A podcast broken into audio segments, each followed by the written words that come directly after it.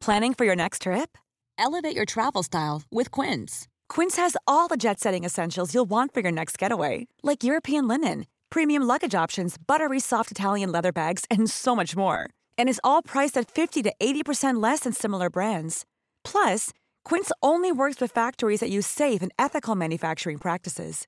Pack your bags with high-quality essentials you'll be wearing for vacations to come with Quince. Go to quince.com slash pack for free shipping and 365-day returns. Wow. Nice. Yeah. What you're hearing are the sounds of people everywhere putting on Bombas socks, underwear, and t-shirts made from absurdly soft materials that feel like plush clouds.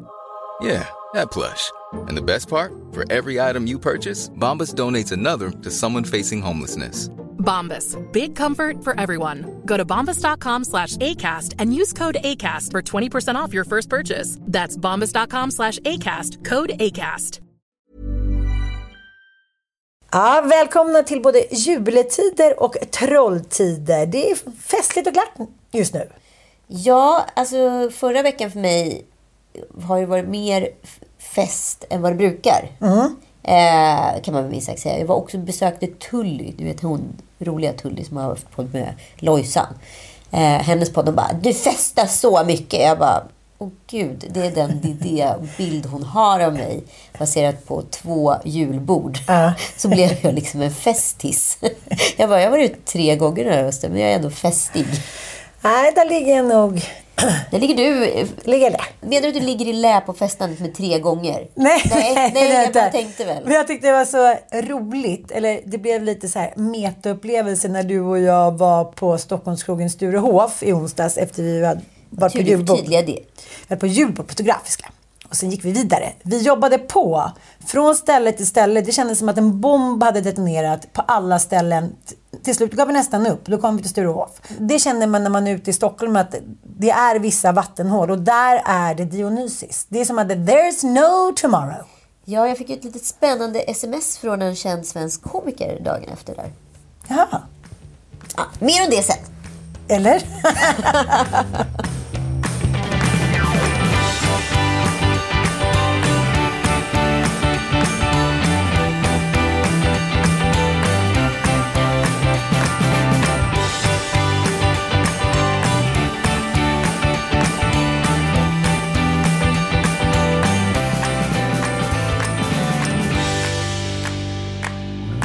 intressant med årets julkalender. Det är tredje gången den eh, repriseras. Först så körde de ju 79 och 85. De körde liksom Snålvattnet rann till på SVT. Så sex år senare så fick barnen sätta sig och kolla på samma kalender. Men det är därför det blir ett... Jag pratade med min kompis Klara, för hon var så här, gud jag kommer verkligen ihåg, det här var liksom typ eh, en stor grej på 70-talet. Jag bara, 70-talet? Nej, det kan inte vara 70-tal. Den här måste ha kommit 82. Det är typ den första julkalender jag kommer ihåg. Det förklarar alltså saken, den kom 85 också, det var samma. Precis. Och jag har ju också kollat på den från SVT Arkiv för några år sedan med mina barn. Ja. För det här var ändå en stark julkalender för mig. Jag kommer ihåg de här jättechokladpengarna, man kommer ihåg vätten. Och jag vet att vi lekte på eh, förskolan att man hade en vettemössa. För han vred ju bara på den ett halvt varv. Så blev han ju osynlig. Det var så mycket så starka minnen som kom tillbaka i alla fall. Eh, men sen blev jag också väldigt förvånad i början. Alltså de första fem, sex avsnitten när man var så här, att den hade fått så otroligt bra recensioner. Och man bara, oj, det var liksom också 70-tals-tv på den här. Ja, och ibland kände jag så här, räkna till fem innan ni går in i trädet så vinner vi lite tid. ja, det kändes faktiskt lite budgetaktigt. Ja, men också att det var ingen liksom, riktig ljudpåläggning. Det var liksom tyst. Ja, hallå? Nej men hej! Det är du. Jo, det är bara bra. Det var liksom, jag kände, Nelly, hon som spelar Nelly Rapp, Ja, hon är så duktig. Ja, som jag tycker är en grym skådis. Men helt plötsligt kändes det som att hon hade tagit liksom någon form av Valium. För det, liksom, det, spelade, det var inga känslor. Ingen reagerade på någonting. Det var lite så här... Men det är så ja, jag tyckte det att ska- 70-tals-tv var väldigt lyxig på 80-talet. Ja, det är sant, det är sant. Nej, men nu tycker jag verkligen att det har tagit sig. Men nu har det ju tagit sig. Ja. Nu förstår man ju också vad recensionerna kommer ifrån. Ja. Men de måste på något sätt sparat in lite pengar där. För det, var det är liksom ingen ljudpålägg. Alltså det är Nej, bara liksom naturljud. Det är ingen som har jobbat med liksom att skapa stämning. Ingen kommer komma ihåg de första fem, sex avsnitten, så vi gör liksom ingen eh, ljudkorr på den. Nej, men det, det är liksom så här, Ja. Man hör så hur man skrapar lite mot så här frigolit. jag vet. men, Det är lite som när jag gör stories. exakt som Ja, när du gör stories. men det det kan bli bra budgetvarianten Ja. utav mycket. Och ändå är det populärt. Ja, men det är mycket vättar och troll nu. Det känns som att det är trollskt. Ja, verkligen. Och det är väl också så här behov av att vi vill tillbaka till några traditioner och det som var. Och jag känner att jag kan liksom inte riktigt komma undan. Jag eh, lyssnar ju mycket på, eh, ja men, vad ska jag säga, smarta människor på YouTube som kan säga klokheter, eller mer eller mindre smarta. Och nu... Och det betyder du, menar du med I just wanna be cool? Precis. eh, nej, men så, så, nu så söker jag absolut inte på det här namnet som hela tiden kommer upp.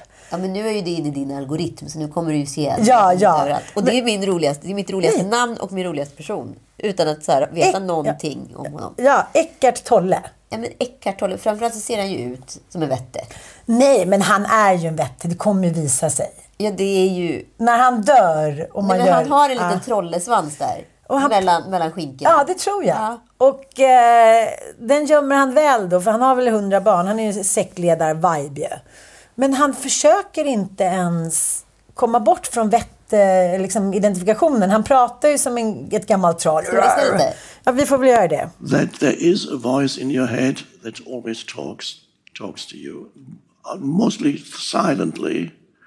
If it talks out aloud, then you're continuously, and there's nobody around, then you're considered insane. Alltså, problemet med honom är att han säger väldigt vettiga grejer, men man orkar inte lyssna för att det är så mycket liksom gammelslem i halsen. Han har ätit Han har aldrig larver. harklat sig i hela sitt liv. Nej. Det är som att det bara är liksom lager på lager på lager. Jag vill ju göra hans alternativa liv Men i han en hade ju en såpa. talkshow med Oprah. Ja, tio avsnitt då när man berättade om sig, ja, men där han ville då dechiffrera vem man var, hur man skulle lära känna sig själv och man skulle leva ett bättre liv. Och det var ju miljoners miljoner såklart som kollade på det här. Så att han är ju väldigt inflytelserik. Men jag kan känna ändå att med en viss typ av människor som får väldigt mycket makt och kärlek ändå fortsätter att aldrig ge sig på Nouveau Riche-livet. Och Nej, det, nej, nej. För han kan ju lika gärna bo i en stubbe. Det känner jag.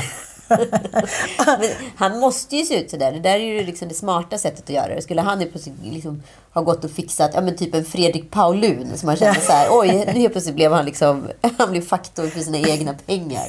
Nej, men han var liksom från början en liten så här David Brent lookalike, Mm. chubby, lite tragisk figur till att han kom och var liksom uppenbart ansiktslyft, fettsugen och liksom blekt hår fixat tandraden. Ja. Då var man ju så här bara, okej, Men det ju metatrovärdigt för att det var ju inte trovärdigt från början och det blir inte trovärdigt nu. nej. Och ändå funkar det. Ja, men precis. Men Eckart Tolle, du har ju snurrat in på någonting. Den inre rösten har du pratat om. Ja, det, det Det har är... många sms till mig senaste tiden om den inre rösten. Du sitter och tar sig på pullerulle här Nej, det gör jag inte. Är? Så bullig är den inte att jag håller liksom på mitt lår och att handen håller på pulli. Ja, Den ska få vila lite. det har jag ju inte gjort hittills. ja, det har han väl aldrig gjort? Nej, nej absolut nej. inte. Och det är inte meningen heller. Nej. Livet kort. Ja, hur som helst, eh, han berättar ju... I Annes livmoder heter det här avsnittet. med Eckart Tolle. Nej men du vet ju när jag gjorde den där um, yoni-healingen. Jo, Har det med Eckart Tolles tredje Ja, det kanske har det. Ja, okej. Med Rosanna. Nu ska jag göra en ny. Har jag tänkt. Alltså, du är i en sån sökarera nu. Men älskling, jag har ju varit, jag, jag har ju varit på en yoni-healing. Hur mycket sökning är det? Det är ju fel Men menar du, du menar att du så här, kollar helt random på olika så här, smarta människor på YouTube? Nej, det är sant. Eh, och du går i så här, terapi och du går på yoni healing Och parallellt. yoga. Och Okej. yoga. Nej, du är liksom i en sökarera. Okej, och det okej. kan man vara när man är separerad. Ja. Ja, det vet vi. Det ska vi också återkomma till. Vad man gör Men nu när vill man vi höra allt om den tredje rösten. Eller Ja, men- inre rösten. Ja, men allt handlar ju om eh, den inre rösten egentligen. Mm. Om man kan identifiera den, om man kan ha en snäll inre röst. Du och jag är ju en gemensam kompis som tog, eh, vad heter den där roten? Ayahuasca. Ayahuasca. Ja.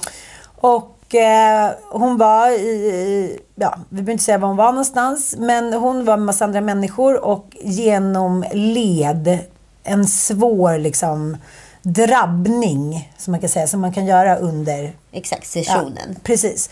Och då försöker hon ta sig därifrån och gå därifrån och då ser hon då den här lilla eh, shamanen, enligt henne typ tre äpplen hög, bara stå med handen och trycka ner och säga du kommer inte upp från marken förrän du har gjort upp med den där inre demonen. Då ser hon eh, sitt liv med väldigt nära släkting som hon liksom hela tiden kan man säga försöker le- leva upp till den här personens förväntningar. Just det. Fast den personen kanske egentligen inte har några förväntningar.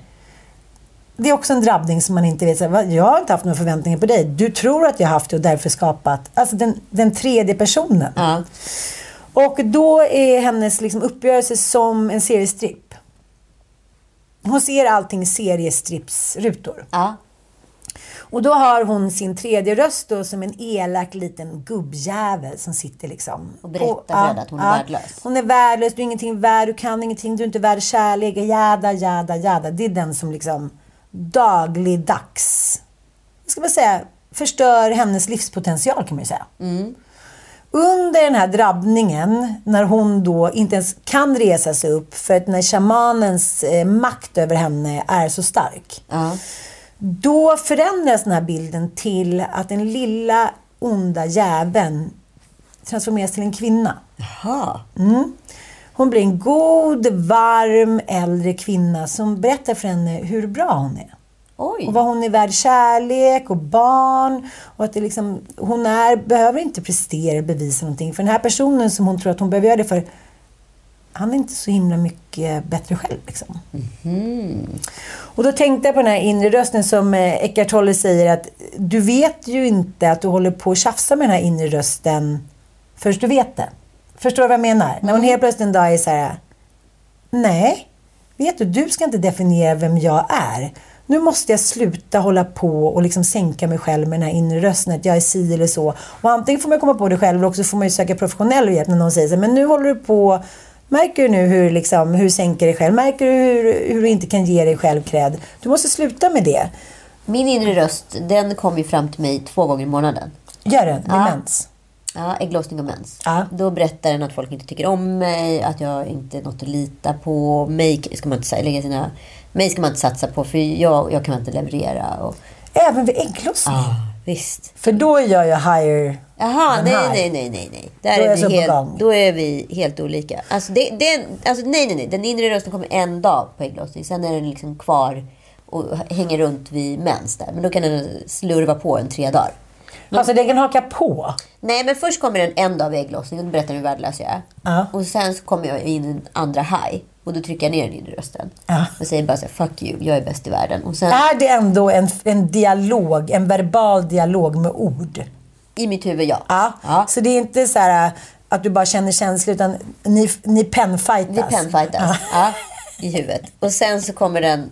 Och så tror jag liksom att jag har vunnit då över den inre rösten. Men så kommer den tillbaka då vid mens. Och då är den mycket starkare då än vid ägglossning. För då helt plötsligt börjar den ta över. Och då börjar jag liksom tro på den. Du är en gör demon, typ. Ja, det gör jag aldrig vid, vid ägglossning. För då har jag en diskussion med den. Så jag tycker det är, ja, men det, är, det, här, det här kan jag argumentera bort. Eller så här, det här så är det inte. Då är det en sund relation. Där ja. Sen Aha. blir den destruktiv i... i eh, Menstiden. Ja. Men nu är jag så pass gammal i sluttampen av min mensera. Mm. Så att jag förstår att det faktiskt är mina hormoner som spökar. Den inre rösten är bara liksom en kemisk felprogrammering i min hjärna vid tillfället. Och nu är jag då stark i mig själv så jag kan li- liksom trycka bort den inre rösten. Men många gånger i livet så är man ju försvagad av sin in- inre röst. Typ Såklart. vid en, vid en depression eller ett uppbrott och så vidare.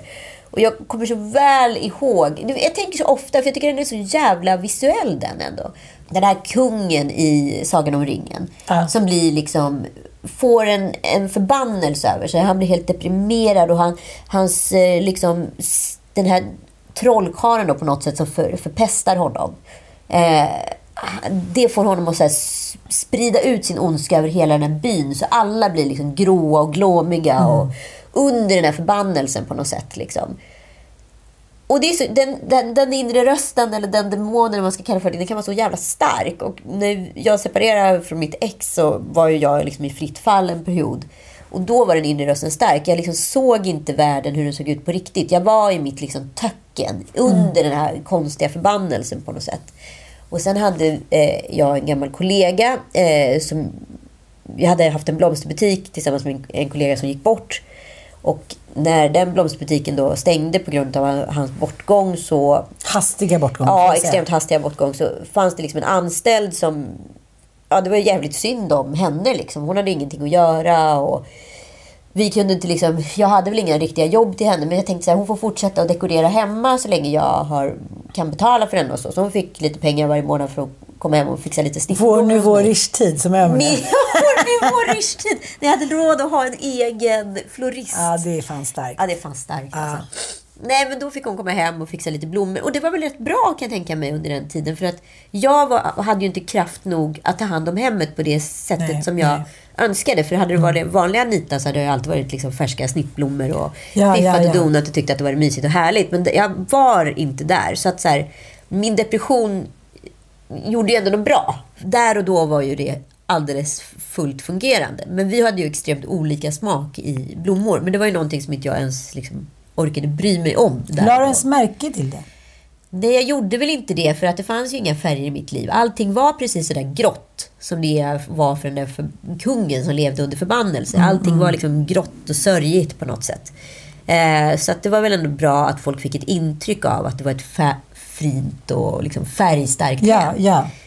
Men sen började jag träffa Joel. Eh, ja, men typ, vi började dejta i så februari. Och fick vi liksom lite ny energi. Och helt plötsligt började jag se färg igen. Hur långt efter var det här? Typ åtta månader? Efter jag och Kalle separerade? Ja. Nej, alltså vi och Joel började dejta typ... Ja, vi och Kalle separerade i oktober och jag och Joel började dejta i fe- februari. Men så började vi liksom hetta till lite i mars då. Ja. Ja, men, ja, men Ja. Mm. fem månader senare. Och då började jag ju se, plötsligt se färg igen. Då var liksom den gråa sörjan borta. Och då såg ju jag också att hela mitt hem Ja. hade förvandlats till någon bisarr djungel. Den hade liksom blivit en inväxt grön hibiskus. Alltså det var bara liksom så konstiga växter som jag aldrig skulle valt. Och, då, jag var så här, är men helt gud! otroligt." Hur ser det ut här hemma liksom? Och Du vet- bara, you're fired! Ja men typ! Så jävla vidrigt. Hon hade gått bananas. Ja men det är som man kommer till ut på så här, man har, man har liksom skaffat ett hem i tropikerna som man inte varit där på ett halvår. Jo, och så men- har det vuxit igen. Ja, men det är så att du och jag pratade om det här. Hur kan man se på en människa som är deprimerad? Eh, näshår, Ja. ansa inte skägget, fixa inte håret. Att det är så här, ha långa tånaglar. Det är så här, vad spelar det för roll egentligen? Ja, och det var som att mitt hem då helt plötsligt, från att varit liksom fräscht och fint, som var uppdrag nummer ett, hade helt plötsligt blivit någon konstig form av djungel. Men, men vad hände sen då? Då var det så här, rensade du då? Ja, jag fick liksom en sån här ilsk-vibe. Så jag bara så här rensade upp allt. Men det handlar tror jag om, om så här, känslomässig freeze. Att, så här, att göra en grej till så orkar man inte. Det är som när man deprimerade människor som har kanske blivit skilt sig eller blivit dumpade. Så kommer man hem till dem ett halvår senare och säger nej du har inte packat upp en låda. Nej, har, nu har tvn stått på en kartong här i. Ja, man klarar jobbet, det är Ja. väldigt viktigt för svensken. Ja. Och man klarar liksom lite det sociala för att du får vara med fortfarande. Men sen är energin slut. Ja, precis. Nej, men det var ju liksom att jag tog fram macheten och gick loss där. Och bara så här, men gud, ge mig tillbaka mitt liv, mitt hem. Ja. Nu var det jag. Varför, vart tog jag vägen i det här? Ja, det var som jag kände att gud, jag kanske är på väg tillbaka lite när jag ville i somras när jag var i Norrland köpa hus. Ja, men för mig var det ändå tydligt att någon form av uppvaknande har skett. Vad var det som hände i helgen?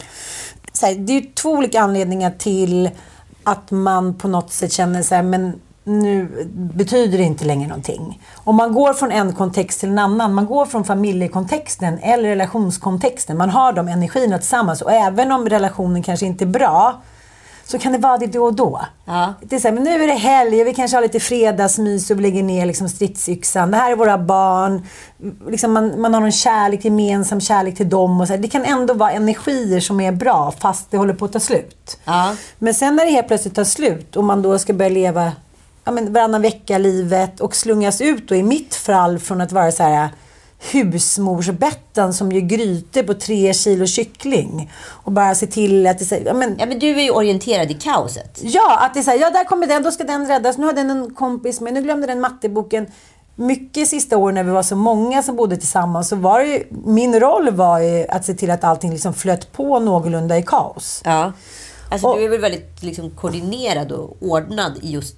Du är en kaospilot. Precis, och då är så här, Du är där- inte lika väl fungerande i struktur. Nej. Du är mycket bättre i kaos. Ja, och där kan jag hitta liksom eh, min inre husmor, matmor, eh, mor. Där blir jag liksom, ja men där är jag Sara, Abraham Sara. Ja. Då tycker jag att det är viktigt att hålla ordning och reda och handla mat. Men när jag inte har den kontexten, då är jag så här, men varför ska jag stå här och göra en gryta? Varför ska jag liksom Allt är menlöst. Ja, men inte menlöst. Men då vill, fokuserar jag hellre på andra grejer. Som att gå ut, eller gå på en kurs, eller liksom gå och träna. Det där där hemma, det har förlorat sin lyskraft. Ja. Förstår du? ja, jag förstår precis. Det är, så här, men det är inte magiskt längre. Nej. Mina vättar är inte där. Det är så här, Dorabella-makten, den försvinner. Jag blir vem som helst. Mm. Och så i helgen så var liksom alla där. Tjejer och killar och barn och hit och dit. Och sen så på morgonen så vaknade jag upp. Jag bara, nej men gud, här ligger jag i våningssängen typ. I liksom lilla halvhallen med Bobo. Ossian ligger med Frans där inne i vardagsrummet. Där är liksom ja, men Ilon och hans tjej. Och så skulle jag gå upp på morgonen och så, så bara säga, nej men gud vad är det här? Nu är det hundra ungar igen. Ah, nej men jag vaknade liksom upp, förstår du? Ja, och såg det. Ja, jag såg såhär, nej men nu måste det här liksom styras upp. Men samtidigt så får jag energi av det. Då tycker jag att det är roligt att laga mat, det är roligt att fixa med frukost, det är roligt. Så det blir både och. Men det blev väldigt tydligt så här, gud så här har det varit innan. Hundra unga, man kan inte gå och bajsa för att det står någon och sminkar sig. Man kan inte liksom, man öppnar kylskåpet, det är tomt för att det är någon som har suttit och goffat på natten. Det är fotbollskläder. Jag bara såhär, då tänker jag att jag kanske skulle kunna hitta någonting mitt emellan. Men också vikten av att säga, du måste kunna vara någon utan att du är deras viktigaste person. Och den måste jag hitta och det är skitsvårt. Jag har haft det så här 21 år. Ja, men jag fattar det. Men jag tänker att så här, för det, kanske både, det var väl jättebra det som hände. För att det var första gången du objektivt såg på ditt gamla liv. Ja. Med liksom, Som jag hade normaliserat. som du hade normaliserat. Sju till tio personer som bara stod med så här öppen fågelmun. Ja, men alltså typ. fågelmuns Ja. an liksom. Eh, Och swisha-an, ut- och semester, ja. In och ut och hämta maskar in till boet och så Ja, bara stoppa det här utan att trutarna. ifrågasätta det. Utan att ifrågasätta. Kanske ska man ha lite hjälp, kanske kan man sätta någon gräns. Nej, nej. Eh, eh, eh. Och i det så fick jag någon näring, men, men det var ju också utarmande. Ja, men såklart. Men Mm. för att dig är det väl både en belöning att kunna vara den karaktären som du liksom kan spela så bra. ja. Utan och innan den showen kan du. Mm. som ett rinnande vatten, det är din revy. Liksom. Men samtidigt så är det så här, fan vad läskigt att jag har kört den här revyn i så många år utan att ens fundera på manuset är tajt. Ja, och jag kände för första gången i mitt liv, kände jag så här, just det, Mattias ska ha dem en extra dag idag för att jag hade dem hela helgen och det var hans dagar. Jag bara, nej men gud vilken frihet. I vanliga fall kan jag få panik i det. Ja. Jaha, men då ska han ta en av mina dagar. Okej, men vad ska jag hitta på? Det ska jag hitta på någonting? Mm. Och nu Jag kan så inte här, vara själv. Nej, men verkligen. Och nu var det så här, gud vad skönt, han ska ta dem en extra dag. Han ska köra till fotbollen. verkligen så här, Gollum typ. Ja, härligt. Så det kanske var, men det, tycker inte du att det är intressant just den där fysiska bilden av att man går omkring, man går omkring, den har gjorts i tusen filmer och pjäser så jag menar inte att det är så här, åh vi har kommit på något nytt.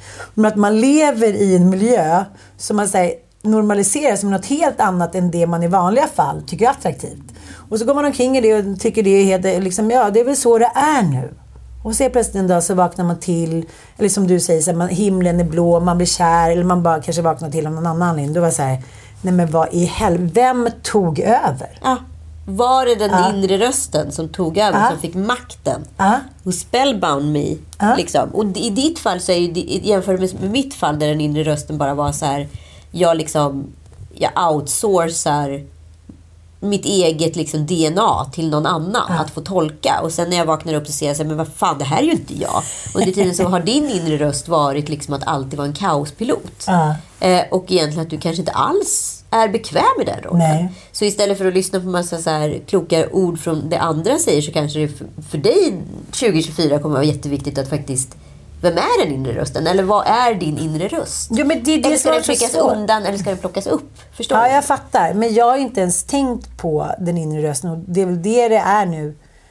Liksom den stora utmaningen för mig i terapin. Att säga, vad vill du själv? Vad känner du själv? Vad säger din inre röst till dig? Jag säger, den är så tyst.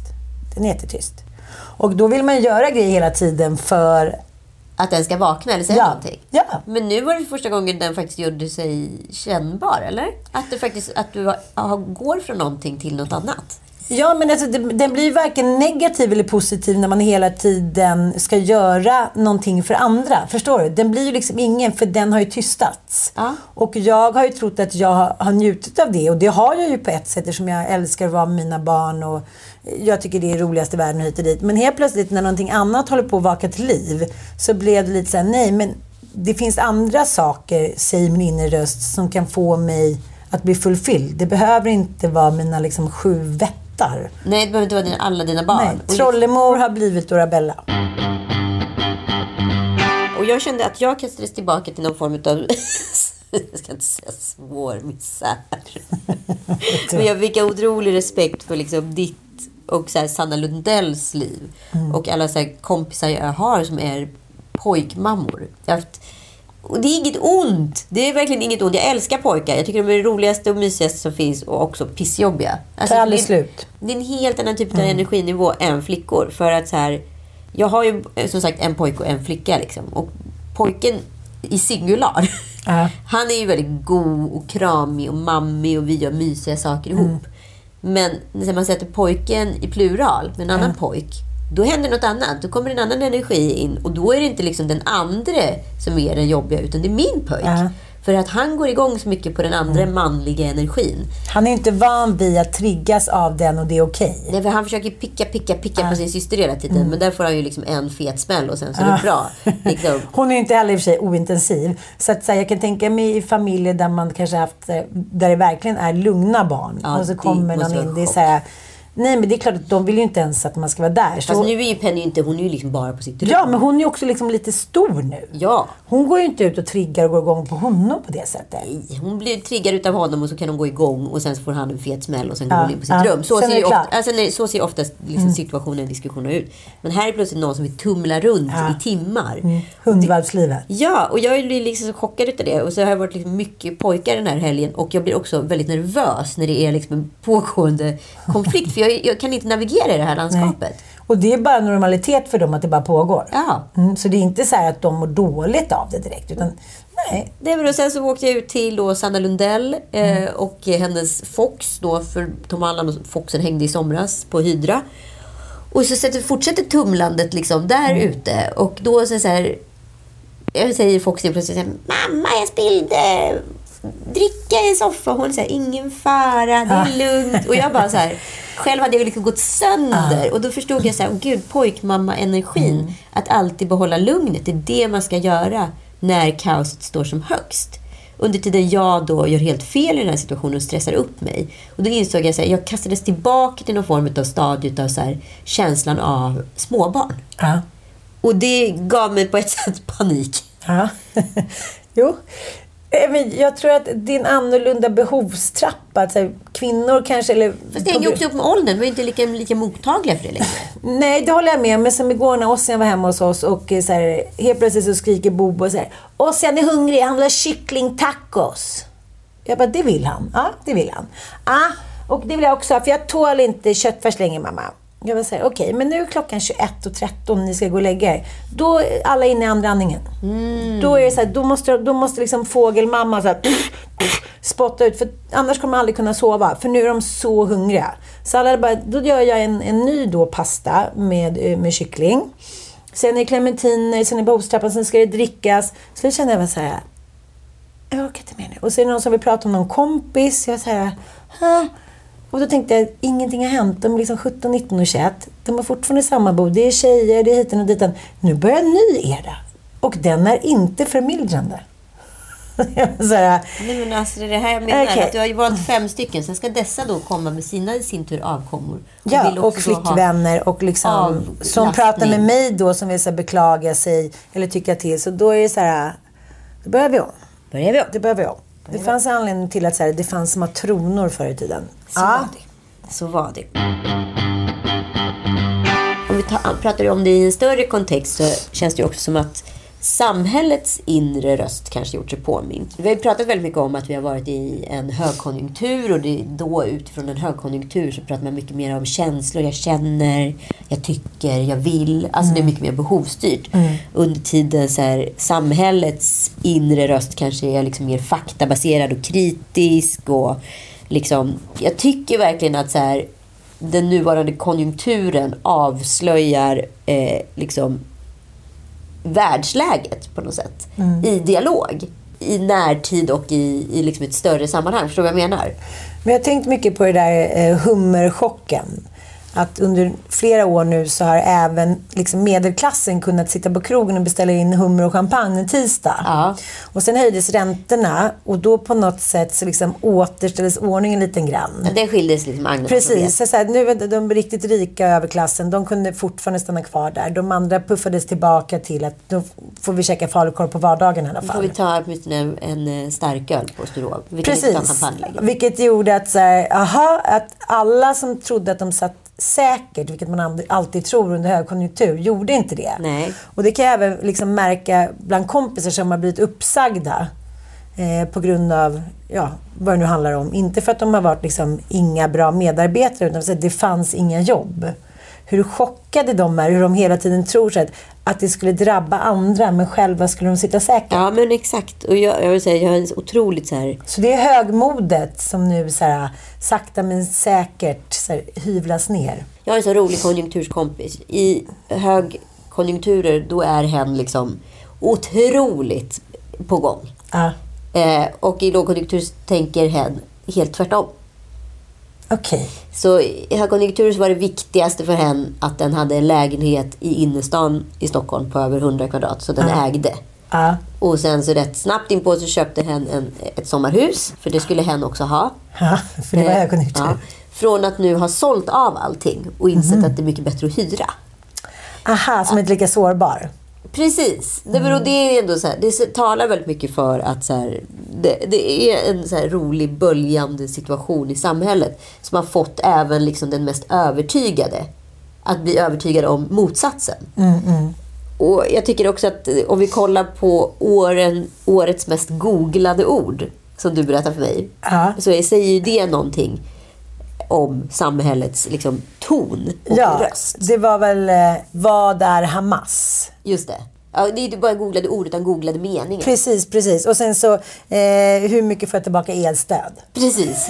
Det säger rätt mycket om så här, där ligger tonen i samhället. Ja, men det säger också om, så här, det säger, rent historiskt säger det väldigt mycket om samhället. Vi har så länge levt i krig. Ja. Så att, så här, det är någonting som vi känner till i vårt DNA. Och vi har alltid under lågkonjunktur behövt veta vad kostar elen, vad kostar eh, vedklampen, kommer vi ha råd att äta vår gröt? Så det känns mer som att det är en historisk tillbakagång. Och, och då är det också ganska sorgligt att nu kommer det inte finnas någon finkultur kvar. För nu kommer vi bara matas med vad ska jag säga, lättsmält underhållning. För det andra har vi inte råd med. Så det blir liksom en Ja, både och. clinch. Det, det, antingen är vi så här faktabaserade historien om Sverige.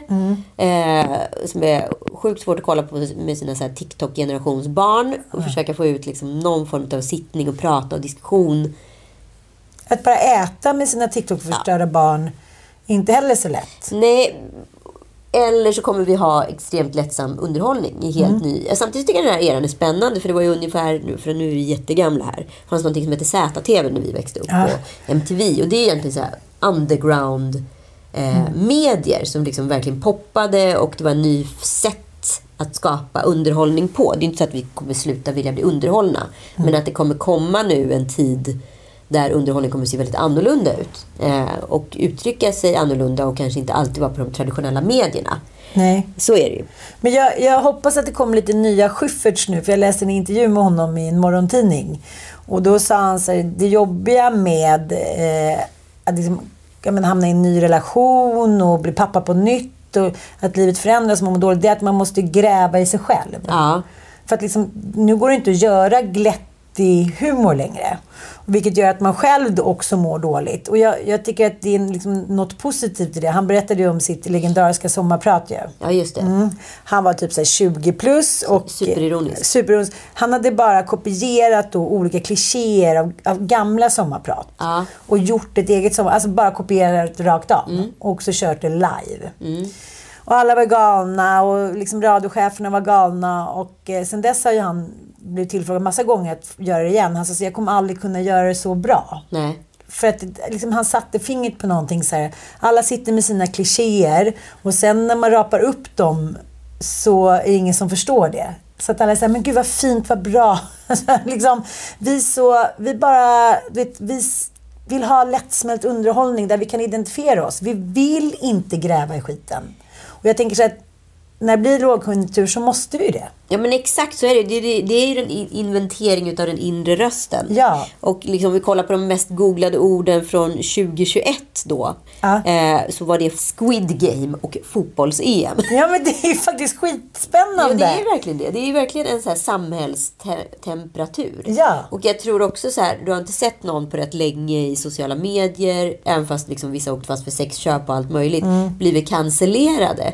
För att den inre rösten har inte riktigt tid med det i samhället. Vi har andra saker som står över det här. Saker som är viktigare än kroppspositivism och eh, att man kanske blev lite mobbad i högstadiet. Eller mobbar Alex, du förstår vad jag menar. Eh, nej, men, eh, det, det, det, det, är en, det är en annan typ av evidens. Exempelvis Fredrik Söderholm har ju varit liksom så involverad i Israel-Palestina-krisen så att han är tvungen att sluta producera radio för att han vill liksom lägga så mycket tid och fokus som möjligt på det här. Det, det säger någonting att så här, det är inte längre... Med det sagt så betyder det inte att psykisk ohälsa inte kommer att existera men den har kommit få ett annat syfte. Den kan kanaliseras någonstans. Men, men jag, jag, jag tror inte att det är helt onyttigt. För det är så här, get a life brukar man ju säga. Ja. Det är ju som alla liksom, men, professorer och doktorander och allt vad det är. Men, forskar kring så är det så här, men den här generationen som kommer nu och den innan. De har inte, alltså, de har inte fått med sig verktyg för att nå motgångar. Och bli stärkta i det. Utan de får en motgång och då vill de dö. Så då kommer de då till psykiatrin och säger jag vill dö, min kille har slut med dig. Och så vill liksom läkarna säga så här, lilla gumman, lilla gubben. Det är sånt som händer, det kommer hända dig 70 000 gånger. Så här, get a life, get over it. Typ. Och i och med att samhället då blir mer autentiskt, eftersom vi gräver vår egen skit för vi hamnar i kriser. Så kommer det också som du säger, så här, nej men jag orkar inte hålla på, ska vi tjafsa om det där, den där lilla grejen, att du inte skulle få eh, den nya tv-spel. Alltså, icke-frågorna Icke-frågorna får extremt försvinner. stort utrymme. Precis, men de försvinner ju när samhället är i kris. Ja men precis. Ja. Det finns ju inte så mycket psykisk ohälsa i fattiga länder för där finns fattigdomen som Precis. är liksom den stora psykiska ohälsan. Ja, vi kanske den inte kollektiva. Ja, vi kanske inte behöver bry oss så mycket om liksom, Kim Kardashian typ, har gått ner lite i vikt. Så här, Låt henne banta. Alltså, vi, vi, vi ägnar oss åt annat. Whatever liksom. Ja, går vi precis. vidare. Jag tycker det är jävligt sunt. Jag tycker det finns otrolig sundhet i det här. Så tänker jag ändå på min egen uppväxt som ändå växte upp under brinnande 80-tal. Det vill säga en superhögkonjunktur. Kanske den första Ja. utav den tiden i mänsklighetens historia vi har haft det som allra bäst. Eh, vilket är ännu mera nu. Mm. Och ännu mera så. Eh, och då tänkte jag så här, "Ja, gud mina barn har aldrig fått vara med om någonting. Så tänkte jag, men mitt eget liv, ja, men jag var ju också precis så. Sen kom ju den stora skälvande bankkrisen 91, 2008. Så att vi är ju liksom rätt luttrade med att det går upp och det går ner. Och hiv. Och jag tror att de här typerna av eror, nu har ju mina barn istället för hiv då fått vara med om en pandemi. Sen har Mm. inte de varit tillräckligt gamla för att det ska kunna påverka deras liv liksom monumentalt. Det är ingen som har dött, det är ingen som liksom har eh, blivit av jobbet, alltså så vidare. Det har inte påverkat dem på ett sätt som att det har varit liksom förödande.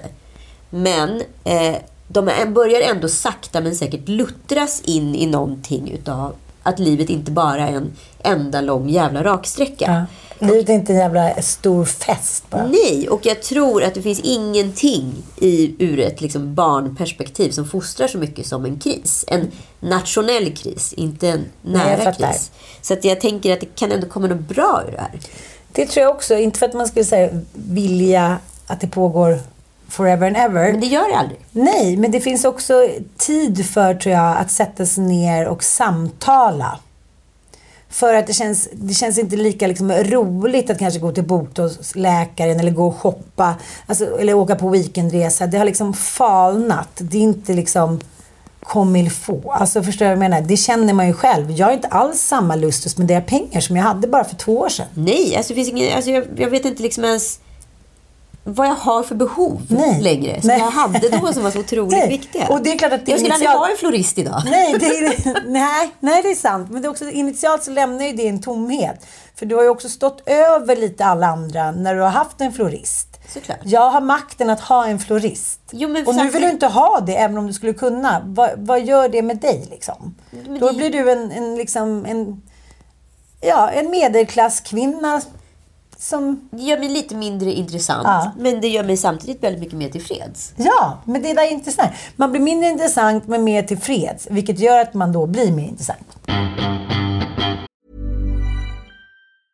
There's never been a faster or easier way to start your weight loss journey than with PlushCare. PlushCare accepts most insurance plans and gives you online access to board-certified physicians who can prescribe FDA-approved weight loss medications like Wigovi and Zepbound for those who qualify. Take charge of your health and speak with a board-certified physician about a weight loss plan that's right for you. Get started today at plushcare.com slash weight loss. That's plushcare.com slash weight loss. plushcare.com slash weight loss. Quality sleep is essential. That's why the Sleep Number Smart Bed is designed for your ever evolving sleep needs. Need a bed that's firmer or softer on either side? Helps you sleep at a comfortable temperature? Sleep Number Smart Beds let you individualize your comfort so you sleep better together. JD Power ranks Sleep Number number 1 in customer satisfaction with mattresses purchased in-store. And now, save 50% on the Sleep Number limited edition Smart Bed for a limited time. For JD Power 2023 award information, visit jdpower.com/awards. Only at a Sleep Number store or sleepnumber.com. Men jag tänkte på ändå, för jag har kollat så mycket på det här historien och Sverige och det väcker ändå otroligt många tankar. Det måste väl du också känna? Ja, nu har jag bara tittat på ett avsnitt. Ja, som Ja, vanligt. ja. Okej, vi släpper den. Det jag tänkte på är i den här, vad ska jag kalla det för, eh, narrativet av högkonjunktur i alla sätt, där vi blir gärna historielösa, så har vi ju liksom omtolkat världen på ett sätt som är väldigt mycket nutid. Ja. Exempelvis så pratar de om i, jag tror att det är vikingatidsavsnittet eller om det är som är järnåldern. Eh, att man, begreppet man, man som vi säger, human, man. Alltså det är ju en definition av människa. Så exempelvis titeln brandman, det är ju brandmänniska. Alltså icke definierat att det är en man som har det yrket. Under en högkonjunktur där också så här, feminismen alltid då, precis som det var på slutet av 80-talet när Fittstim kom, eh, i början av 90-talet där. Att där börjar man liksom ifrågasätta normer och saker och saker som bara tuggar på. Eh, och i den här högkonjunkturseran så har vi blivit extremt historielösa. Där har vi då glömt bort att kolla bakåt i historien vad saker och ting faktiskt betyder. Där vi har omtolkat då historien och tänkt så här. Brandman! Det är en man! Fy fan vad dumt! Vi måste ha ett nytt ord för det. Vi ska ha hen. Brandhen. Brandhen. Så jävla osäkert. Ring inte brandhenen. Fixa det själv. Det blir så jävla dumt. Ja. Inte, kan inte det vara ändå så här... Alltså det är väl det mest specifika skulle jag säga. Hur dum samtiden kan vara. I sin absoluta spjutspets. När vi har det som allra bäst. Istället för att titta bakåt så tittar vi framåt. Och tänker att vi har haft fel bakåt. När vi alltid haft rätt bakåt. Ja det, ja, det är väldigt intressant. Men det är det som gör att jag tror att många ungdomar känner sig tomma. För att de vet inte någonting om sin historia. Nej! Ja. Och nu har alla helt plötsligt en chans att ta det. Och så märker jag att det är så jävla svårt att få dem att fokusera. Jo, jag vet. Det är det som är... Instant gratification, television, programmering. Jo, men jag tänker också som i det programmet som jag är med i nu, eh, Good Luck Guys. Då är det ju jag och Fi och den enda som kanske haft ett riktigt jobb, eh, vad nu det är, det är ju jag. Jag bara kollar på Anna jag bara, Ja, men vadå? Jag- Menar du att du har haft ett riktigt jobb? Ja, Du jag är väl tycker... redaktör för fan när du var 19 år? Menar du att du haft ett riktigt jobb? Chef, ja, chefredaktör är Ja, ett det är riktigt ett jobb. riktigt jobb. När man är 19 blir man chefredaktör. Hallå Blondinbella. Ja, men det är ändå ett utbildat jobb. Okej, du har, haft en, du har gått till en arbetsplats. Det är det, Ja. det, är det du säger. Ja. Du menar att du inte suttit hemma och producerat Ja, innehåll? sen jobbade, jag- har jag jobbat i klädaffär. Ja, titta. Oj, ja, ändå bra. på krogen. Det gick inte så bra, jag förstod aldrig hur man bångade. Jag kanske inte har gjort så mycket sådana serviceyrken, det kan jag inte säga. Nej, men jag tror att det kanske blir, blir lite så här, du vet våra, våra lyssnare som tycker att vi borde utbilda oss till barn, Barnmorskor. barnmorskor och Ah. sjuksköterskor. Ah. De kanske blir lite provocerade av att du säger att du har haft ett riktigt jobb. Ja, men nu jag håller jag inte på att att utbilda mig till anhörigterapeut. Det är väl ett riktigt jobb? Det är ett jobb. Ja. Det jag vill komma fram till är att de är ju då historielösa för de är ju sina egna makthavare och har varit från allra första början. Ja. Folk har ju inte koll på sin historia för att de kollar på TikTok. Och det är ju även människor som jag känner som har riktiga jobb som tänker så här. Jag ska kolla, jag ska gå down with the kids. Jag ska kolla lite på TikTok. Och sen så försöker jag få tag på dem så här, fem dagar senare. Typ som Charlotte i Sex and the City. De var down the När hon- rabbit hole. Ja, down with the rabbit hole. De bara, nu får du komma ut. Hon bara, så här, varför? Varför ska jag gå ut och träffa de där halvpackade killarna som liksom ändå inte får mig att komma. När jag kan ligga här och komma och ha det göttigt hemma och tryggt. Gnössa på. Ja. Men det kostar ingenting och det bara är Nej, det dumt kostar och härligt. Ingen vill längre att det ska kosta någonting. Nej, och det är det man märker också i den här generationen. Men jag bara funderar på vad som har hänt i skolan. För jag bara... Var vi så här historielösa? Jag har svårt att se det. För att jag, jag satt på middag, men det sa väl jag, att jag satt på middag med liksom en eh, 20-plussare. Ja. Och vi kom in på ämnet Be- Bellman. Och personen i fråga inte visste vem Bellman var. men, men då kanske det är så här. Och då, då, och det är Men är varför blir vi irriterade? Varför blir vi irriterade för? Det finns ingen vetgirighet i samhället. Är det det som är provokationen? Jo, men då blev jag lycklig när jag läste det mest googlade. För det kändes som att det fanns någon form av ny vetgirighet bara senaste året. Och det är kanske det som måste komma med en lågkonjunktur. För att man måste förstå helt plötsligt sammanhang. Det har man inte behövt på tio år. Nej, men tror du inte att det är vardagsskräcken som kommer tillbaka? Jag skämtade mina barn häromdagen. Jag var så här, ja men om, om ni går ifrån mig här nu i affären, då kommer Näcken att ta er typ. Ja, men så här, då kommer Trollemor, då kommer djävulen. Liksom. Det fanns ju alltid sätt att hålla barnen, nästa generation i schack. Jo men exakt, men om allting bara är liksom en lång jävla autostrada i en Dubai-galleria. Liksom, Ja. Som det bara är helt marmorerat blankt golv som Mm. du bara kan rulla fram på. Då behöver du ju inte liksom förstå var pengar kommer ifrån. För då Nej, kan de- tro du får dem ju bara hela tiden. kommer från ett mjölkpaket och Ja, inte från ett djur. och om man dödar någon i ett spel eller i verkligheten, då, då får man ett nytt liv. Ja, det är inte så mycket mer med Nej. det. Och helt plötsligt förstår man att man kanske inte bara är så. Och då tror jag att det faktiskt att det är väldigt viktigt att prata med barnen om när man har den här oron. För helt plötsligt så kanske familjekonstellationen eller familjedynamiken är annorlunda. Någon förälder kanske blivit av med jobbet. Man har inte råd att åka på de här semestrarna längre eller köpa nya kläder. Helt plötsligt blir det en oro som man kanske inte har outat. Vilket skapar ångest hos barn. Ja, absolut. Mm. Men är ångest hos barn så farligt? För att det är det här som alla tvistar om. Mm. Eh, att är det så farligt att fostra med att berätta negativa grejer? Det var ju någon, det var ju någon förskola nu som hade tagit bort, eller några förskolor som har tagit bort att föräldrarna får komma på Lucia. Jag vet, jag vet. För att det kan skapa så otroligt mycket ångest hos barn och stresspåslag att få då prestera inför föräldrar. Ja. Alltså hur mycket ska vi skydda barn? Mm. Alltså från gränsen från att skydda barn från verkligheten till att göra dem en jävla björntjänst.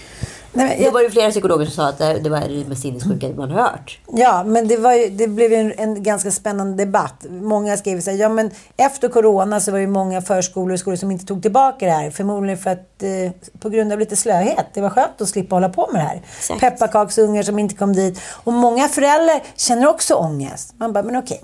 Vad ska vi känna ångest? Ska vi känna, kä- liksom känna Har alla ångest? för- gått i barndom? Ja, så då får de ångest för då ska de gå upp på morgonen så då behöver inte de komma i tid för de har ADHD bla bla bla. Alltså det blir en icke-värld när ingen vill ta ansvar för någonting. Nej, och det är väl kanske det här Mm. som då tvingas in i en lågkonka att så här, folk måste börja ta ansvar igen för sina egna handlingar. Det går inte bara att säga så här.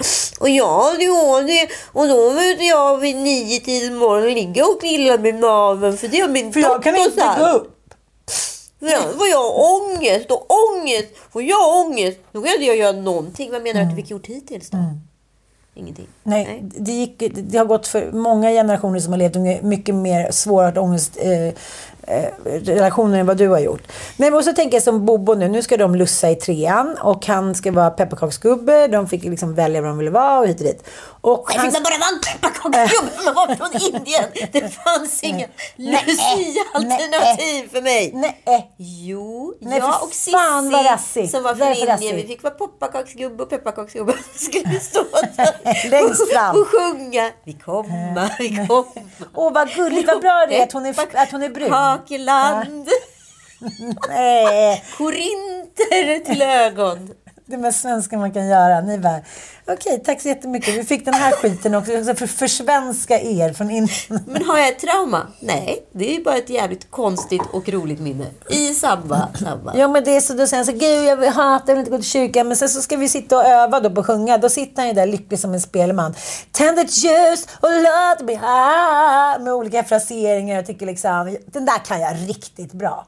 Så jag tror så här, det är samma sak där. Allt är jobbigt för den här generationen. Det kanske var jobbigt för oss också, men inte på samma sätt. Det var så här, nu ska vi plocka Nej, blåbär. Man bara, ja, upp i DDR-Sverige. ja, var liksom, allt är inte jobbigt. allt ska inte vara jobbigt. Nej. Eller rättare sagt så här, utan prövningar så blir ju livet en jävla motgång. Jo, det är alltså- prövningar som utbildar och utvecklar en. Så Jo, därför tycker jag att den inre rösten är viktig. Bra! Men en prövning för dagens barn är ju inte prövning. Att klä på sig kläder och gå ut, en liten promenad. Det är inte en prövning. Nej, det är som mina barn som tycker så här att det ska vara en... Alltså de pratar utifrån perspektivet att de bara har rättigheter. Men Ja. de har inga Nej, skyldigheter. vet. och där är ju någonting som är snett. Och här finns ju någonting att läka. Och det tänker jag att den här tiden kanske kommer generera på ett Mm. En eller annat prövning sätt. är att sitta på en eh, åsna och fly över iranska bergen i 23 minus och ramla i en snödriva och nedfrusen. Och bli... Alltså det är en prövning, inte att klä på sig termobrallor från Didriksson och ta en promenad. Tack. Ja, men det finns alltså inget liksom, utrymme längre. Eller jag ska inte säga, men man är alltid så jävla i sin tid och tänker att det kommer aldrig. Men så är det ju inte. Utan så det kommer alltid finnas. Men det kommer också finnas mindre, skulle jag säga, utrymme för fake. Men det finns någonting i den här... Jag kom på mig själv ligga och snörvla i slutet på Elf, alltså en av de många julfilmer jag älskar. Där man pratar mycket om hoppet och att eh, den här tomten har liksom en hoppbarometer i sin, i sin Ja, julsläde. Och att människorna har förlorat hoppet. Så den här släden kan då inte flyga utan den har behövt då en motor under. Ja. Eh, och motorn ramlar av och så helt plötsligt kommer hoppet sakta tillbaka så, så att tomten kan lyfta från New York och flyga iväg. Fint. Och då fick jag ändå någon sån här, en sån här klubb. Det finns någonting i oändliga historien som jag tycker också är så otroligt så här bildligt och starkt eh, som är värt att dryfta. Att redan då på 80-talet när den kom, att då pratar man om fantasia, alltså fantasin. Att landet, fantasin, det är oändligt. Det är precis som universum, det är oändligt, tar aldrig slut. Men det som har hänt, det är att barnen har slutat fantisera. Så fantasia har blivit en liten smula. Som hon håller mellan sina fingrar. Drottningen utav Det är sant. prinsessan av Fantasia. Så det enda Bastian, då, den här pojken på andra sidan i verkliga världen, måste göra det att fantisera och våga tro på sin fantasi. Det är något så starkt och fint i det. Och då tänker jag så här, det är så viktigt med de här hoppen, att börja tänka på hopp och fantasi och kärlek i sådana termer. Jag tror att det kommer vara en tid för de storslagna sagorna igen. Affirmationer. Kärlek, hopp. Tillbaka till att vi ska rädda prinsessan som vi pratade om i förra podden. I tv-spelen. Det ska finnas tv-spel med mål. Det ska finnas filmer med syften. Och så blev vi så glada då när vi såg Pernilla hade gift sig. Ja, eh, det var hennes syfte. Det var hennes syfte. Nej, men det var som en så här, eh, fin recap på en lång kärlekssaga som har varit så trasig längs med vägen. Ja, men hela hennes eh, liksom, liv är ju lite som en Disney-film. Att det har gått upp och ner verkligen. Från så här, ja, men lite som Annie, nästan så här barnhemmet. Och, Ja. ja. det var liksom verkligen slutade lyckligt. Och jag kan känna, jag vet inte, det blir någon upprättelse för många kvinnor som då har kanske varit den lite glättigare, glada kulturkvinnan. För säga vad man vill, hon är en kulturkvinna. Det är hon. Ja, och på 90-talet och 2000-talet så var det så himla lätt att sparka nedåt. Precis. Men de som man sparkade nedåt på då, det är de eh, som sitter med cashen och kuken, höll jag på att säga. Men eh, ja, det kan vi väl säga. Ja, ja. Eh, Och jag bara, jag bara kände så här, en riktig sagolycka när jag såg henne i den här eh, prinsessbakelseklänningen. Eh, Det fanns också något så otroligt sympatiskt att hon gjorde ett litet familjebröllop. Ja. Och att det inte var det här storslagna liksom, kändisfesten. Ja, och att hon hade bara enligt egen utsago sagt så här, för några veckor sedan. Ja, eh, det kanske var så. Att hon ville ha ett litet bröllop och sen så hade då eh, hennes dotra ordnat det. Och att det blir så himla bra och fint och, och fram och tillbaka. Och att, så här, att det alltid finns hopp för kärlek och tro och att man till slut ska faktiskt hitta en relation som är en jämlik och jämställd relation där man får lika mycket tillbaka som man ger. Och eh, så den relationen tycker jag att de verkar ha. De verkar vara, liksom, verkligen ha genuint roligt och verkligen tycka om att vara med varandra. Ja, men jag tror att de är extremt liksom, omaka i många situationer. Men de är också så här... De är också... Eh, behöver ju varandra. De har ju förstått att så här, vi är ju inga med våra... Att, att gifta sig med sig själv är inte kul. Nej. Du driver fram saker i mig som är jävligt bra. Och jag driver fram saker i dig som är jävligt bra för dig. Och tillsammans blir det kul. Och jag önskar att, att man hade förstått det lite tidigare. Eh, just vi pratade om det här Jo, med tack. hormoner och ägglossning. Och att man såg bilden av hur det var liksom i sitcoms på 90-talet. Att det skulle vara kul och festligt även fast man hade barn. Man skulle ha mycket sex och man skulle vara en bästa kompis med den andra. Att så här, när man kommer till en viss ålder, ursäkta om jag låter som så här gamtanten. Då kanske liksom det där, eh, liksom, vad ska man säga, ungdoms klyschorna har falnat lite. Och för, för mig har det liksom tagit för lång tid att inse att man behöver inte vara styrd av liksom passion eller att det ska vara på ett visst sätt. Alltså, det är en livspartner man behöver. Och det är också konstigt nu Ja, när men man jag är tror ute. att liksom, den stora bluffen var väl att man skulle hitta någon som var lik en själv. Ja, Ni är så lika. Ja. Det var lika med att det var bra. Det är ju jättedåligt Ja, den enda, typ, de få killarna som jag ändå har känt att jag gått igång lite på eh, sen jag separerade. Det är ju de som har liksom de attributen, det som jag absolut aldrig kommer bli attraherad av. Ja. ja, men då, det är väl en jättebra uppvakning. Att så här, tänka, att så här, tänka tvärtom för första gången istället för att det ska riskera att bli likadant. Ja, det vore ju dumt. Det vore ju dumt. Nej, men vi var ju faktiskt på julbord här för ett tag sedan och, och då så satt vi alla och diskuterade om, om det skulle ta slut med befintliga partners och så vidare. Och, så, och då var vi rätt många som var liksom på samma fot där, att det kommer aldrig komma in en ny man här Nej. På heltid och liksom lära känna någon ny familj och hej och hå. Alltså det, det, det, det kostar för mycket. Ja, det känns lite som att man skulle gå in i den där vättedörren och så skulle man vara i trollens värld och säga... skulle vara ja, osynlig för resten av mitt Ja, liv. ja. Ja. Nej, det, det är en konstig känsla och den är extremt stark. Och jag har aldrig, liksom, jag kan knappast identifiera den för jag har aldrig gjort det innan. Att så här, och det är ju så när jag träffar någon. Så här, ska vi gå hem till dig? Jag säger nej, nej, nej. Ing, jag vill liksom, det skulle vara, jag måste bli mer hel först. Jo, gud. Än att någon karl skulle liksom bara få komma in och ligga i min säng. Det är inte ens fysiskt möjligt. Jag tror att jag skulle säga torka igen. Och andra sidan kan du gå hem och lägga dig i andra sängen. Men mer om det om en liten, liten stund. För vi är inte riktigt klara. Vi är inte framme vid den punkten Det är vi inte. Nej. Vi väntar med torken. Ja. Det gör vi. Torken får vänta. Musslan är öppen.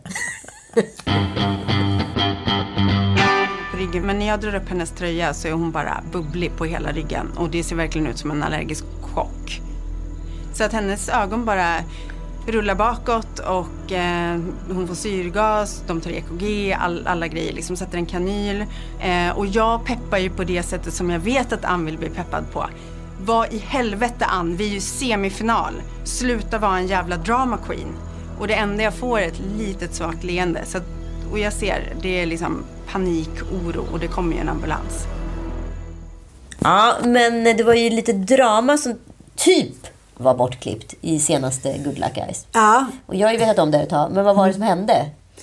Nej, men eh, jag vet inte om det undgått någon att jag hade mycket bett på kroppen. Eh, alltså du...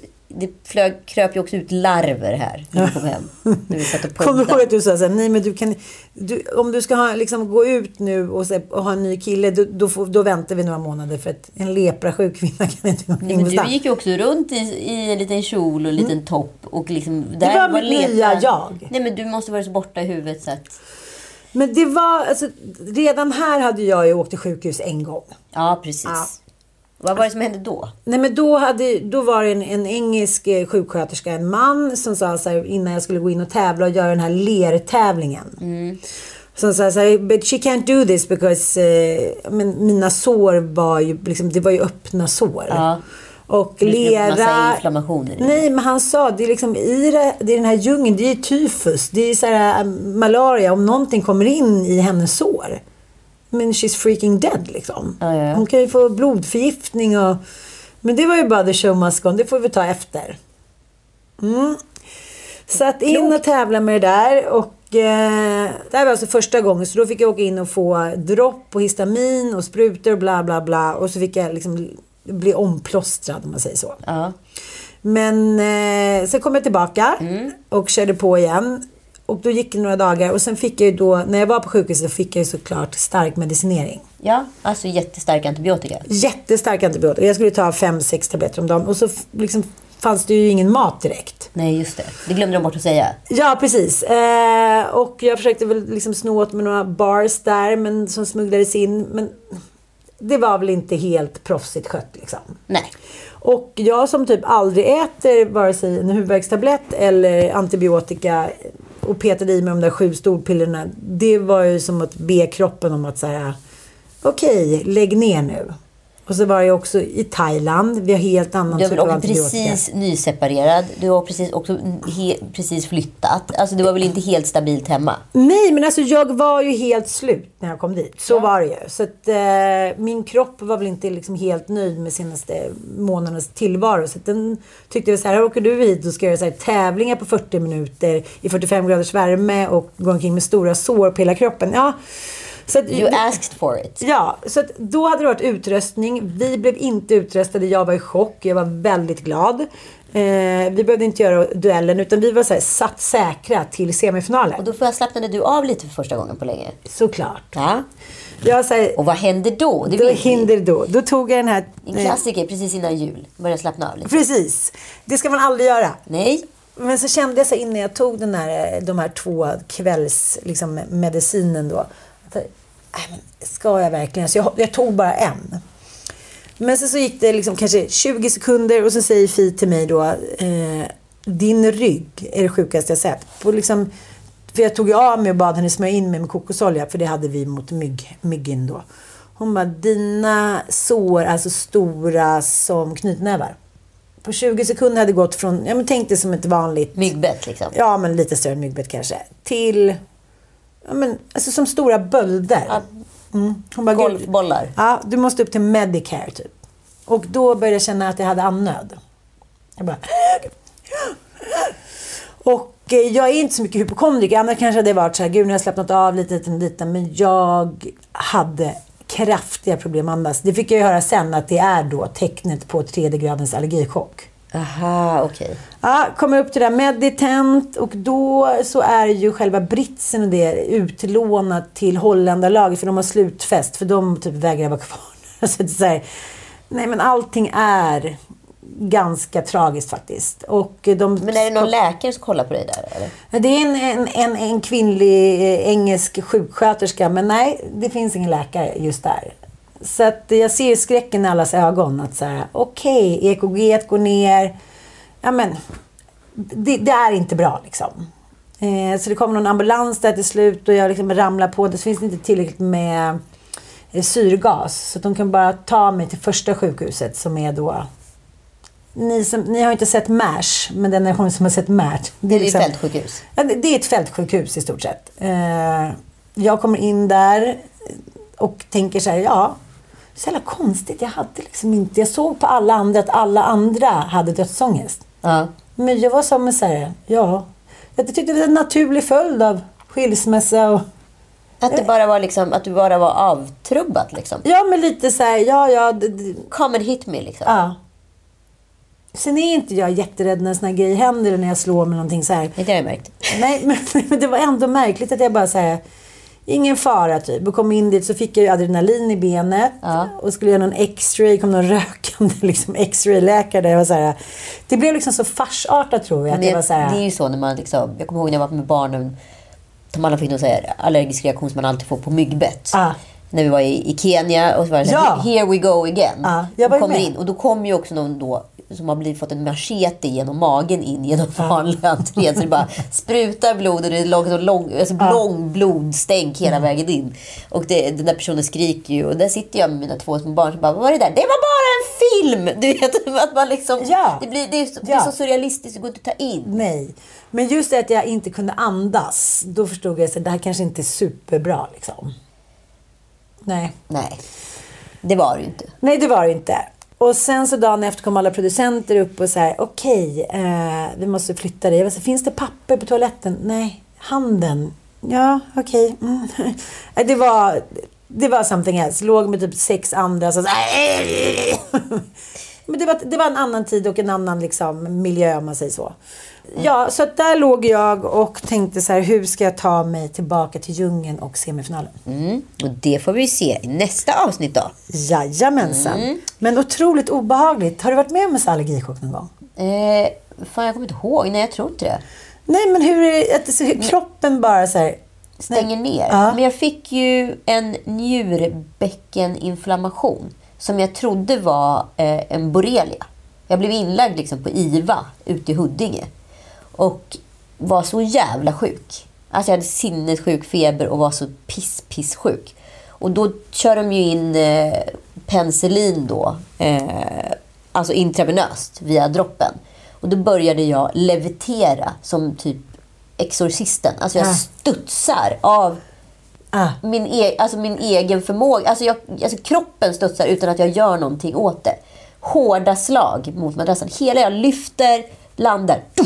Duff, duff. Du vet när det liksom började verka. Men såg du själv utifrån eller kändes det som att du var med i en Exorcisten? Ja, jag kände att jag var med. Att det var som att jag var besatt utav någonting som skulle Nej. ut rent fysiskt. Det är nog det mest liksom, obehagliga upplevelse jag varit med om.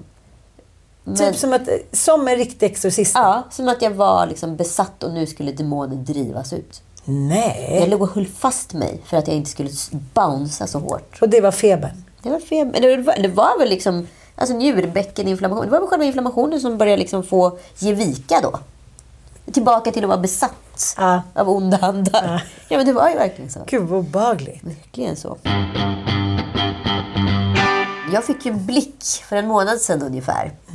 När vi var på halloweenfest. Vi pratade lite lätt om det här i sist. Mm. Det ska alltid utvecklas. När E-Type är med måste det alltid vidareutvecklas. Ja, men det är du som gärna vill utveckla Ja, det det här. vill jag. Ja. Det är min enda... För jag har ju ändå Besatthet. En, nu har jag ändå en hänga på dig, för vi var ju ute, men det kommer vi till sen. Ja. jag, försöker, jag, jag försöker springa ifrån Den här cliffhangern, nu måste jag ju leverera. Det måste du Ja. verkligen. Nej, men jag tycker vi har pratat lite om energier och jag har försökt förklara också för barnen att säga men, energier är så mycket hur man känner inför andra, att man inte har ansvar för andras känslor. Eller hur andra mår. Alltså, så det har mamma trott väldigt länge och det, det leder inte till något bra. Andra människor måste få ha sina egna känslor och du är dina. Då kan du liksom Du kontrollera dem. bär inte någon annan. Nej. Om den personen inte vill bli Nej, buren. och det märker man ju nu när de är i den åldern att det börjar bli liksom dels tjejer och dels att de liksom bråkar med varandra, killarna och så här. Att det är inte ditt ansvar. Du behöver inte gå iväg i ångest och skam. Det är, så här, det är en ny generation barn. Vi måste liksom på något sätt ge dem lite mer verktyg än vad vi själva fick. Och det känner jag att det använder ju du nu med E-Type. Du vill ju komma bort från det här med energier. För ni har ju en energi. Fuck you. Men är det inte otroligt otydbart? Vissa människor finns ju kvar i ens energier for the fucking rest of your life. Man är så här, det här är Kekke från typ sex år och ändå så bara... Det är ingenting du är förberedd på. Nej, men det är väl klart jag inte är. Nej. Men det är ju inte så att jag går runt och... Gode gud, du får det här att låta så mycket värre än vad det är. Nej, jag Det var bara så roligt för jag kom, stod ju där som en hopplös ful Morgan. Du fattar ju också att vi kom som Morgan och Ola-Conny. Ja, och sen på ja, kvällen ja. så började alla de här sexiga jävla demontjejerna komma i liksom stilettklackar och jag och Joel står där. La in en prilla, typ. Ja men jag hade ju liksom bomullstussar för att förlänga näsan. Men jag hade också bomullstussar i hela kinderna för att få en riktigt fet överläpp och snusläpp. Och också hade då sminkat skägg. Sen på kvällen då när man liksom inte lä- längre orkar vara dechiffrerad, för ingen fattar ju till att börja med vem man ens var. Så började vi plocka ut det och försökte liksom hitta några stackars tjejer som hjälpte mig att sminka lite. Alltså försökte, Ah, men du vet, det var ju, Rätta till. det var ju redan förlorat race. Det Ah. var ju bara en riktigt ful brud med ännu fulare kläder. Ja, fast det spelar ingen roll. För har man rätt energi så ser man ju inte det. Så är det ju. Ja. Och så, precis när jag ska börja gå därifrån på kvällen så kliver då Trollefar in. Du ser, vi kommer inte ifrån dem. Trollen, vättarna. Nej, du vet, jag tror inte jag har sett honom på 20 år. Nej, men i alla fall 15. Inte? Nej, jag träffade honom på Gry Forssells eh, vad fan, 30-årsfest sist. Nej. Jo, det måste 50 det alltså vara 15, 16 år sedan. Och då var jag ju utklädd till Gene Simmons. Så att då kände ju han inte igen mig. Eller, Nej. ja, vad ska jag säga. Man som man tänkte han. Men det är också helt sjukt att jag träffar honom på två grejer när jag är utklädd. Ja. Men nu var jag ju bara, Det är Gud som vill säga att utseendsspray... nu var jag ju per definition bara avklädd. höll Jag, var ju nerklädd. Alltså, ju mitt fulaste, fulaste jag. Det gjorde ingenting. Det gjorde ingenting. Nej. Vi såg varandra, han såg mig, jag såg honom. Han sa, De där ögonen känner jag igen, sa han. Ja, dina ögon känner jag också igen. Och så blev det liksom ett väldigt roligt och härligt återseende. Han är ju ändå en gullig jävel, måste man ju säga. Ja, men det här tycker jag är så farligt. Vi säger nu att du, ni inte skulle varit i relationer.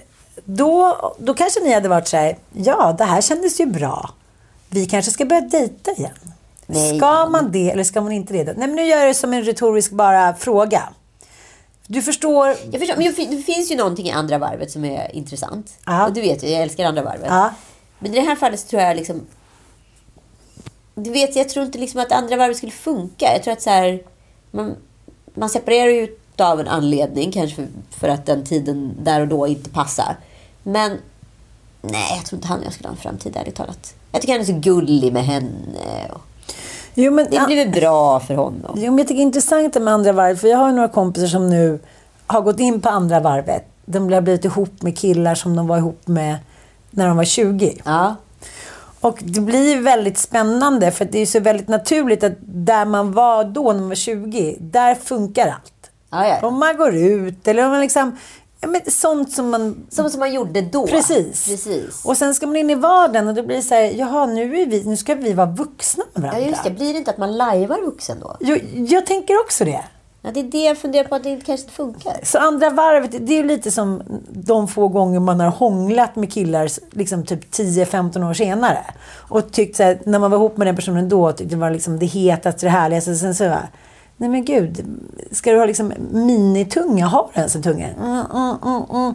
Och man känner att det där kändes ju inte alls något härligt. Varför tyckte jag att han var så härlig? Det är för att du inte är kär i honom längre. Men jag vet inte, andra varvet, har vi några lyckade, Men det där är ju har vi liksom- lyckade Ja, resultat? Men, nej, nej, men jag har en så jävla bra andra varvet-grej. Det var liksom en kille som jag var jättekär i och eh, låg massor med när jag typ precis, vad heter det, hade gått ut gymnasiet. Det var verkligen så här, du vet, sommarflörten och vi hade så sjukt bra sex då och så vidare. Sen så var det liksom gång två när jag var singel. Alltså det var den som var innan Kalle. Och då sprang jag på honom igen. Och då hade det gått så här vad fan kan det vara, 12, 13 glada år mellan gångerna. Och vi gick ju då hem, vanan trogen, höll jag på att säga. Ja. Det kändes ju så inte konstigt Ja. alls. Det var ju inte ens som att... Familjär känsla, den är ändå härlig. känsla. Man gillar den trygghetskänslan. Men då har ju en sexreferenser och sexliv förändrats. Och det kanske inte den andra personen... Hade Itab varit där då? Fuck you. Så då var det liksom inte alls så härligt. Nej. Eller Och så när man kommer mig. på det så bara, ska jag spela med? Eller ska jag bara säga, nej men det här funkar inte. Vilket alternativ valde du? Det jag spelade ju med såklart. Ja, jag ville det inte såra honom. Nej, varför skulle jag Nej, göra det? vad skulle jag det? Började Suki, suki. Det måste vara så grafiskt. Nej, men jag tycker det här är intressant. Att de här Jag energierna med vissa... jag är utav de här Jag samtalen. vet. Ja. Men det är ändå... Där inser vi hur mycket av oss som är bara energi och hur lite som är kött och blod. Ja, Ja. Mm. absolut. Men det är också så roligt med så här, ja men du vet, konstiga grejer som bara händer i så här, vad hände nu att jag sprang in i honom så här 20 år senare och så plötsligt en vecka senare Jag såg jag honom igen. Jag vet. har inte sett honom på 20 år ish. Alltså, vad fan. Och sen tycker jag att de relationer, eller de, även i vänskap eller med chefer och så här, där det liksom har blivit clinch. De springer man aldrig på. Nej, det är så konstigt. Det är ändå så här, tack för det Guds försyn. Ja, men från att ha rört sig exakt samma cirklar hela tiden till att aldrig se en person. Mm. Ja, mycket märkligt i alla fall. Mycket, mycket märkligt. Men eh, Ja. to be continued. Absolut Mm. to be continued. Men apropå andra trolltyg, lilla fröken. Lilltrollet. Lilltrollet så var ju vi på en liten härlig julbordstjejmiddag. Mm. Och trollade på. Trollade på och sen var vi ändå som vanligt så nej men nu går vi hem. Nu är vi städade. Nu kan vi inte få ut mer den här kvällen. Nej, vet du vad? Nu är klockan elva. Ja, men så där är- kommer ju jäg, jägarinnorna i oss. Vi går ju ändå... Jägare, varför tror du med mig i det här? Det är alltid du som säger ett glas till. Nej, men du stod ju i tunnelbanan och hade hoppat av. Och bara så, här, så gjorde vi kindpussar, sen hoppade jag också av. Ja. men det är så här, eller, vi är ju eller eller. Ja, vi är eller eller. Det- kan ju slå åt vilket håll. Ja, men det är också det roliga att även fast man liksom har gjort samma sak 500 gånger. Den här gången var jag helt övertygad om att vi skulle gå och ta ett glas och sen gå hem. Exakt så är det. Men grejen är, tillbaka till energier. Det händer ju inte med dig och mig. Nej, men jag var ändå väldigt övertygad. Och där var det sliding doors. Det var ju alltså en tiondel sekund från att tunnelbanan... Vi missade den sista Ah, tunnelbanan, gick av och sen bestämde vi oss efter mycket om och men att vi går väl ner till Sturehof. Och där händer också en sliding door. Precis när vi kommer in så kommer en annan person också. Per Andersson. Ja, komiker. komiker. Och det roliga var att jag precis börjat kolla med Frans på Panik i tomteverkstan, för den missade vi för några år sedan. Det är det som du brukar vara med dig. Ja, men, ja, men, det var ändå så här, gud, Vikings, hundra år senare. ja, vi slår oss ner vid deras bord. Det var inte, vi blev inbjudna. Ja, det var ju blev inte liksom att säga, vi tvingade oss på någon. Nej, och där har ju min nya, eh, eftersom jag har varit liksom, eh, det har varit så mycket ett tag, ja, jag har blivit ansiktsblind. Ja. Jag känner ju inte igen ens världens eh, mest kända människor, så att jag ser alltid till att någon hälsar på dem. Det här är Annika, det här är, ja, Tommy Myllymäki, ja, det, då är det han. Jag tycker alla ser så annorlunda ut. Ja. Har alla blivit smalare? Kan vara så. Nej men ärligt talat, det är någonting som inte stämmer. Hur som helst så eh, då sätter vi oss ner där och sen blir det Ja, men det, ass- han, associations-VM. han och vad heter det, Måns Zelmerlöw har alltså varit i Eskilstuna och uppträtt med Tomten och Bocken. Ja, och är nu där med sitt crowd kan vi säga. Precis. Och det är ju väldigt roligt. Jag har varit ute med Per någon gång tidigare. Det är ju alltid väldigt roligt med honom. För att han, det tar ju fart. Ja, men det är ju exakt som det är. Det är exakt, alltså han är ju precis som han är. Ja. Det finns liksom inget av. Nej, och det har han kommit till sans med. Det, han, han, jag tror inte att han försöker dämpa sig själv längre. Nej, utan han bara är. Mm. Han är liksom en entertainer. Ute i fingerspetsarna.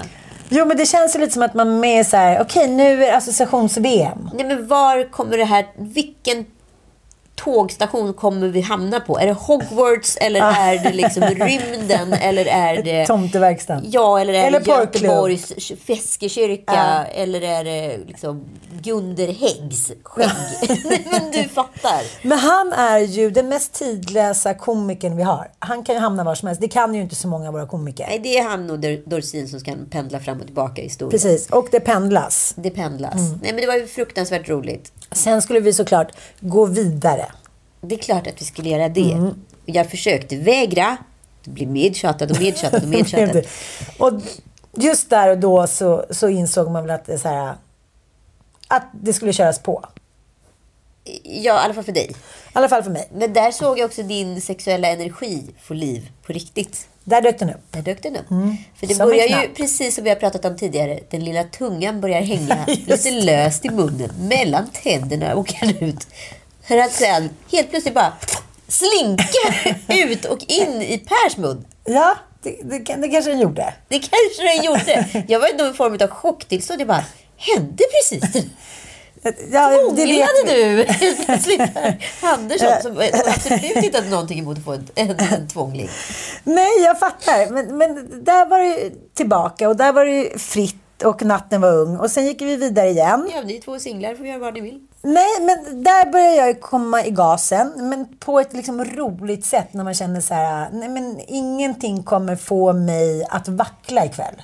nu känner jag då att det här knastågskarnevalen som vi har hamnat på. Nu känner jag att nu börjar folk hamna liksom i vagnen framför mig. Jag sackar efter. Nu är det dags för mig att jag hoppar av vid nästa station.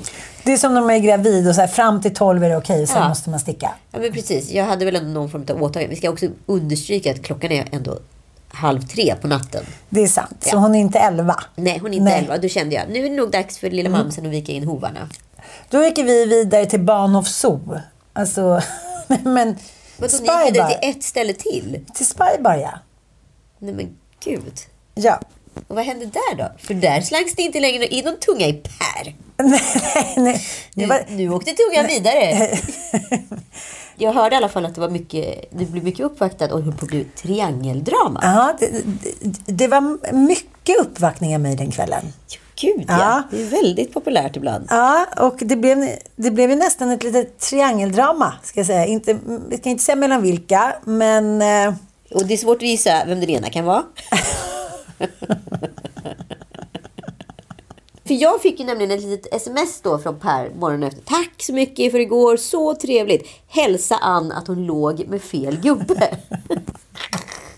Nu, nu är det så här festförsök. Nu är det Göteborgs revy. Oj, där slänger dörrar fel Och gubbe. där Ja. fick jag ju då reda på att det var inte Per som hade fått äran Nej. att få besök av Trollemor. I och för sig sanning. Eh, Men men det var någon annan. Ja. Då ser på Pullerull igen. Gud. den gränslösa podden. Ja, det kanske blev lite bortasläp. Det ska jag villigt erkänna. Och det var jävligt härligt. Vad Så härligt sorry. Per. En annan gång. En annan. Vi ses nästa Du onsdag. är liksom den personen som är mest rock'n'roll efter Little Jinder. Det måste vi ändå säga. Ja. Och då måste man ändå säga att jag har legat i längre. Ja, du har några fler strängar på din lyra. Ja, precis. Trollemor. Numera balalaika. Det är dags för en ny vettig generation att se Trollemors bröst. Ja.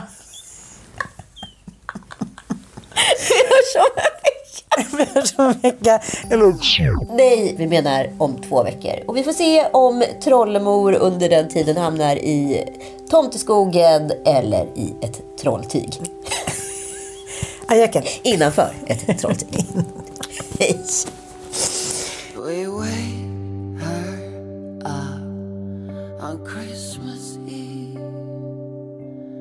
In a daze by the Christmas tree. Down, down, down, out in the snow.